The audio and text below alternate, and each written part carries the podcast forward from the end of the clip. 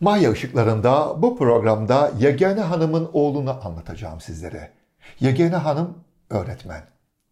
Kurtuluş Savaşı sırasında kimsesiz kalan kız çocuklarının öğretmenliğini yapıyor İstanbul'da Yegane Hanım.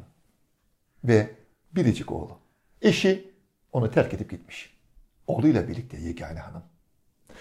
Oğluna da okulda çocuklara hazırlamış olduğu piyeslerde küçük küçük roller veriyor. Hatta oğluna bir piyeste çoban rolünü veriyor. Rol sırası çocuğa geldiğinde bir köşede çoban olarak uyuyup kalıyor. Sahnede onun ilk rolleri, belki ilk rolü çoban da o çocuğun, Yegen Hanım'ın oğlunun ve uyuduğu için kalkıp oynayamıyor. Herkes gülüyor ona. Sonra uyanınca apar topar bu sefer ne söyleyeceğini hatırlayamıyor. Ama Yegen Hanım'ın oğlunun kalbine tiyatro sevgisi girmişti bir kere. Gençliğinin geçtiği, ilk delikanlılık yıllarını yaşadığı Kuşdili Çayırı'nda arkadaşlarıyla kendince tiyatrolar oynuyor. Oyunlar sergiliyorlar, piyesler ve Devlet Konservatuarı tiyatro bölümüne öğrenci alınacak. Onlarca aday başvuruyor. Elemeler devam ediyor ve son final elemesine 5 delikanlı kalıyor. Onlardan biri Yegen Hanım'ın oğlu. Çok umutlu fakat sadece bir kişi alınıyor ve kaybediyor. Çalışmak zorunda. Gönlü kırılıyor Yegene Hanım'ın oğlunun. Zonguldak'a gidiyor. Zonguldak'ta e, maden mühendisleri mektebine kaydoluyor. Okulun kuralı gereği 3 ay madenlerde staj yapacak. Maden işçisi oluyor Yegen Hanım'ın oğlu. Oysa tiyatrocu olmak istiyordu. Tiyatro ışıkları çok uzak. Elinde madenci lambası. Ocaktan içeri giriyor.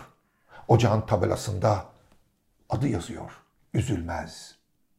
Yegene Hanım'ın oğlu Zonguldak'ın ünlü Üzülmez Maden Ocağı'nda işçilik yapıyor.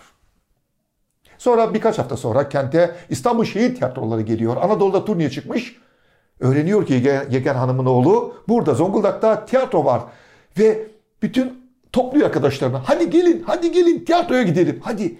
Onlara da bilet aldırıyor ve oyunu seyrediyor. Seyrederken Yegane Hanım'ın oğlunun gözünden yaşlar dökülüyor.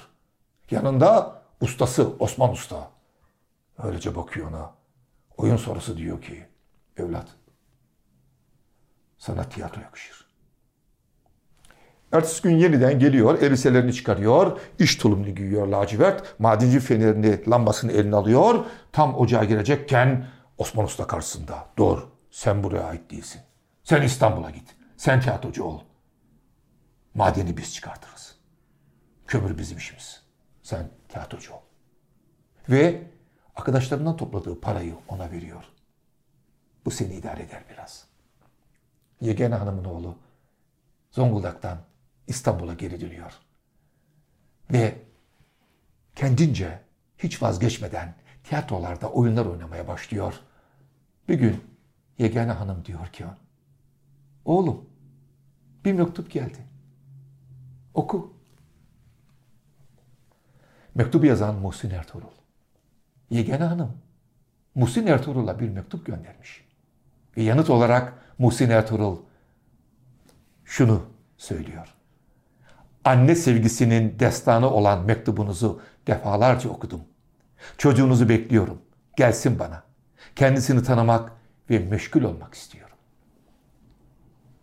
Anne sevgisinin destanı olan mektubunuzu defalarca okudum. Yegane Hanım oğlunun durumunu bir mektupla Muhsin Ertuğrul'a bildiriyor ve Muhsin Ertuğrul bu güzel karşılığı veriyor. Anne sevgisi. Ve Yegane Hanım'ın oğlu elinde mektup Muhsin Ertuğrul'un kapısını çalıyor. Bir daha da o kapıdan hiç ayrılmıyor. Biz Yegane Hanım'ın oğlunu tiyatro sanatımızın büyük ustası Mücap Ofluoğlu olarak tanıyoruz. Sizlere anlattığım Zonguldak'taki üzülmez ocağında da kömür çıkaran ve anne sevgisine hayranlığından dolayı Muhsin Ertuğrul'un tiyatromuza kazandırdığı Mücap Ofluoğlu'dur. Anneler günümüz kutlu olsun. Bu ülkenin anneleri hiç üzülmesin, hiç ağlamasın. Geldik bir May ışıkların daha sonuna. Yarın yeniden birlikte olalım. Sürçülisan ettiysem affola.